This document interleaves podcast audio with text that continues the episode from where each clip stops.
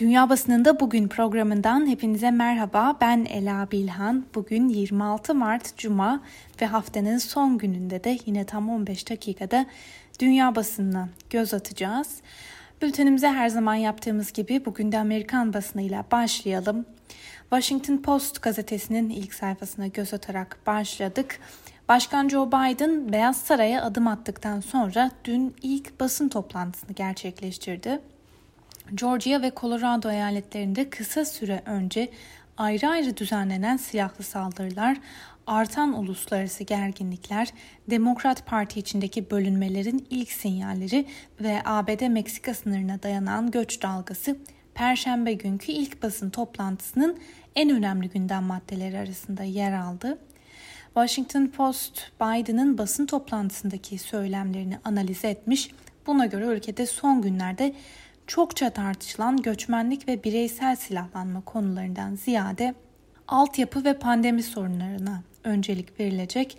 Böylece şimdilikte olsa odak noktasının esas olarak pandemi ve altyapılar, yollar, köprüler ve teknolojinin yeniden inşa edilme çabası olduğuna da işaret edildi. Gazeteden Sean Sullivan'ın yorumuna göre Biden basın toplantısında bazı yanlış beyanlarda ve bağlamdan kopuk iddialarda da bulundu. Bir diğer habere göre de Biden ilk 100 günde 200 milyon koronavirüs aşısı hedefini aşma yolunda ilerliyor. Öte yandan yine Washington Post'tan Isaac Stanley'nin yorumuna göre dünkü basın toplantısında Biden'a dünyanın gündemindeki salgına dair tek soru soran gazeteci bile olmadı. Bu haber bugün New York Times'ın da bir numaralı gündemi. Şöyle diyor gazete.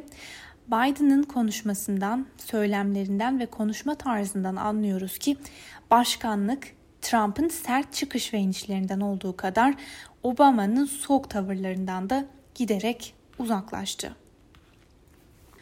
Bir diğer habere göre de Amerikan Başkanı Joe Biden 2024 başkanlık seçimleri için yeniden yarışa girmeyi planladığını açıkladı. Biden Afganistan'dan 1 Mayıs'a kadar çekilmelerinin zor olduğunu ve Çin'in küresel bir hakimiyet kurmasına izin vermeyeceklerini söyledi. Washington Post'un bir diğer haberine de göz atalım. Asyalı Amerikalı dükkan sahipleri Asya karşıtı şiddetin artmasıyla beraber kendilerini korumaya aldılar. Ülkede artan ırkçılığın bazı kesimler için ekonomik sonuçları da oldu. Buna göre birçok Asyalı Amerikalı çalışma saatlerini kısalttı. Geç saate kalmadan eve dönüyorlar ve silahlanmaya da başladılar. Öte yandan düne dair bir haber daha aktaralım. ABD'nin Colorado eyaletinde 10 kişinin hayatını kaybettiği silahlı saldırının şoku sürerken Georgia eyaletinin Atlanta şehrinde üzerinde silahlarla markete giren kişinin paniğe neden olduğu da belirtiliyor. Ve Amerikan basınından aktaracağımız son iki habere de göz atalım. Son günlerde gündemde olan bir haber vardı. Buna göre son olarak Georgia valisi posta kutularını kısıtlayan ve posta yoluyla oy kullanmak için yeni gereklilikleri zorunlu kılan seçim tasarısını imzaladı. Yeni tasarıyı savunanlar yasanın eyalet seçimlerine olan güveni arttıracağını savunurken başta cumhuriyetçiler olmak üzere yasayı eleştirenler ise bu hamlenin demokratların eline güçlendireceğini dile getiriyorlar. New York merkezli National Review dergisi ABD ordusunun ülke liderlerinin hataları yüzünden girdiği savaşları kaybettiğini yazdı. Lawrence Corp imzalı yazıda Pentagon yetkilisi Bing West'in daha önce ABD'nin son 50 yılda Vietnam, Irak ve Afganistan olmak üzere 3 büyük savaşı kaybettiğini ifade ettiği, sebeplerini de asker ve politikacıların eylemlerine ve toplumdaki eğilimlere bağladığı anımsatıldı. Amerikan basınından aktardığımız bu haber, yorum ve analizlerin ardından bültenimize İngiliz basınıyla devam edelim. The Eye gazetesinin manşetine taşıdığı habere göre İngiltere daha yeni Covid mutasyonlarına karşı koruma sağlamak adına Ekim ayında bir takviye aşısı sunmayı planlıyor. Ayrıca genç insanların aşı olmalarını kolaylaştırmak ve bunu belirli yaş gruplarında yaygınlaştırmak üzere yakın zamanda ülke çapında içine arabayla girilebilen aşı merkezlerinin oluşturulması da planlar kapsamında. The Guardian gazetesi ise dün gündeme gelen ve bizim de üzerinde durduğumuz bir gelişmeye dair bir analiz paylaşmış. Dün de demiştik ki İngiltere publara ve barlara girişti aşı sertifikası istenebileceği bir uygulamaya doğru gidiyor ve hükümet de bu planı destekliyor. Bugün The Guardian gazetesi bu konuda diyor ki bu uygulamanın asıl amacı gençler arasında düşük olacağı öngörülen aşı oranlarını arttırmak, aşı olup olmamak konusunda tereddütü olan genç kesimler böyle bir uygulama nedeniyle aşı olmaya yanaşacaktır. Financial Times'ın manşetine taşıdığı haber ise Hindistan'a dair. Buna göre Hindistan kendi aşılarına öncelik vermek adına ihracatı yasakladıktan sonra Covid-19 aşılarının küresel olarak piyasaya sürülmesine sert bir darbe vurdu. Dünyanın en büyük aşı üreticisinin yani Hindistan Serum Enstitüsü'nün ihracatı 2 ila 3 ay süreyle durduracağı iddia ediliyor. Alman basını ile devam edelim bültenimize. Merkel Paskalya tatili döneminde koronavirüs salgınına karşı kısıtlamaların artırılacağı açıklamasından tam bir gün sonra bu plandan vazgeçtiğini duyurmuş. Hatta Merkel kısıtlamaları sıkılaştırma planını hata olarak ifade ederek tüm Alman halkından özür dilemişti. Buna karşılık Die Welt gazetesinden Klaus Geiger ise salgın yönetiminden ziyade artık aşılamanın da tepki yarattığına dikkat çekiyor. Almanya'nın aşı kampanyasından duyulan hayal kırıklığı çok büyük, birçok hata yapıldı. Ancak sayılara farklı şekilde de bakabiliriz. O zaman tablo netleşiyor. Almanya hala dünyanın en hızlı aşılanan ülkelerinden biri olma şansına sahip. Öte yandan BBC Berlin muhabiri Jenny Hill'e göre ülkede koronavirüs vaka sayıları hızla artarken Başbakan Merkel salgın önlemleri konusunda hükümete duyulan güvenin sarsıldığının farkında. Son dönemde Almanya'nın tutumunun giderek daha kaotik hale geldiği, Merkel'in birliği sağlamada etkisini yitirdiği değerlendirmeleri de yapılıyor. Deutsche Welle'nin aktardığı bir haberle devam ediyoruz. Almanya'da siyasilerin de adının karıştığı maske skandalının boyutları büyüyor. Yürütülen soruşturma kapsamında ilk tutuklamada gerçekleşti. Münih Başsavcılığı bir şüphelinin tutuklandığını ve mal varlığına tedbir konulduğunu açıkladı.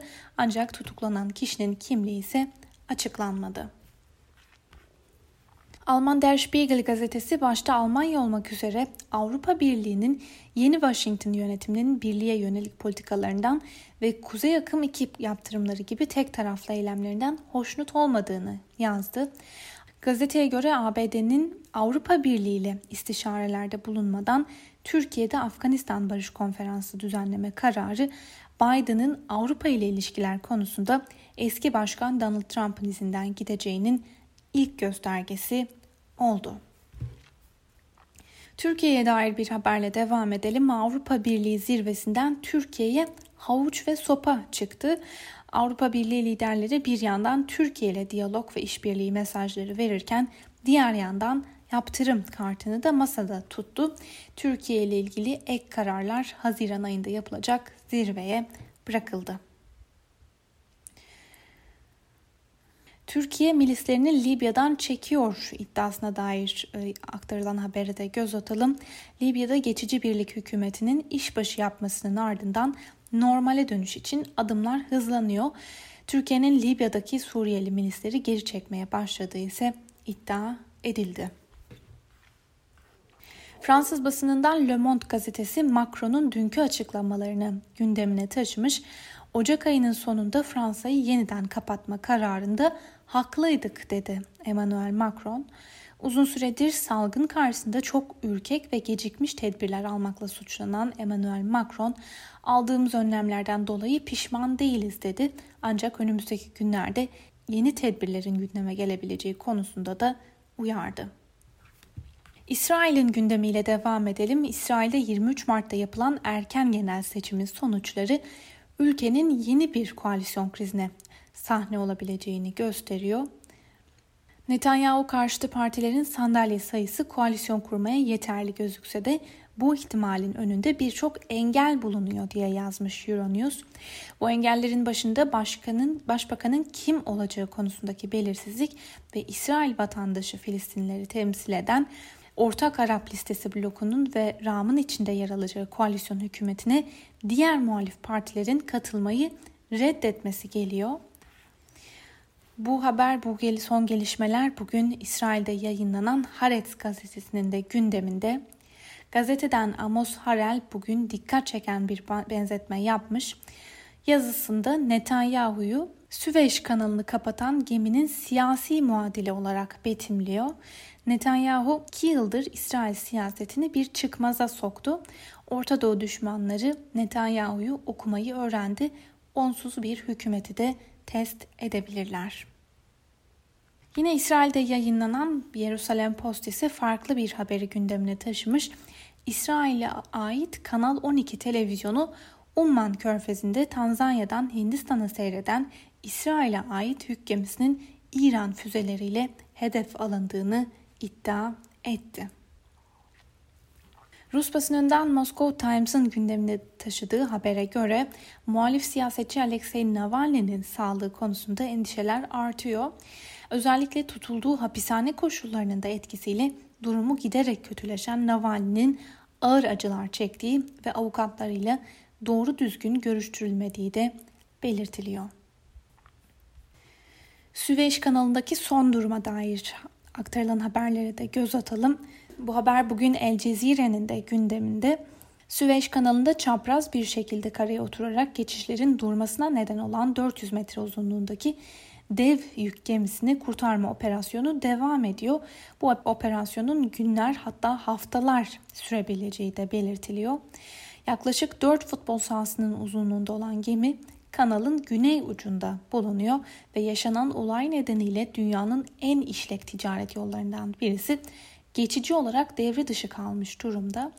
Ancak ihracat ithalat ağının aksamasının en ciddi sonuçları petrol ticareti alanında yaşanacak.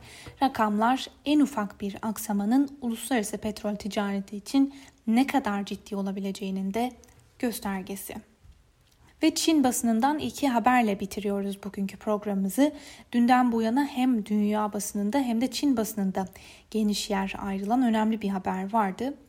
Soykırım ve işkence iddiaları nedeniyle Çin'den gelen Sincan pamuğunu kullanmıyoruz diyen Nike ve H&M firmaları Çin'in ana gündem maddelerinden biri haline geldi. Çin'de Sincan'da Uygur Özerk bölgesinde Uygur Türklerine zorla pamuk toplattırılması ile ilgili kaygıları ifade eden moda devleri Nike ve H&M'e yönelik boykot kampanyası başlatıldı. Boykot kampanyasına çok sayıda Çinli şirketin katıldığı belirtiliyor. Öte yandan aktarılan haberlerde dünya pamuk üretiminin beşte birinin Sincan'da yapıldığına da dikkat çekilmiş. Çin'de yayın yapan CGTN televizyonunda yayınlanan haberde Sincan'da zorla çalıştırılma iddiaları reddedilerek aksine gelişmiş makinelerle toplandığı belirtildi ve yüksek kazanç nedeniyle insanların burada çalışmak için can attığını söyleyen bir Uygur Türk'ünün sözlerine yer verildi. Çin Devlet Televizyonu CCTV'de erdemli kahraman olmaya soyunan H&M'in yanlış hesap yaptığını ve hatalarının bedelini ağır bir şekilde ödemesi gerektiğini savundu. Öte yandan Global Times gazetesi ise Çinlilerin iki büyük şirkete çok öfkeli olduklarının da altını çiziyor. Ve Çin basınından son haberimize de geçelim. İngiltere'nin Uygurlara yönelik insan hakları ihlalleri nedeniyle Pekin'e yaptırım kararı almasının ardından Çin yönetiminden de bir misilleme geldi. Londra'nın adımının Çin-İngiltere ilişkilerini ciddi şekilde zayıflattığını ifade eden Çin Dışişleri Bakanlığı İngiliz yetkili ve kuruluşlara yaptırım uygulanacağını da açıkladı.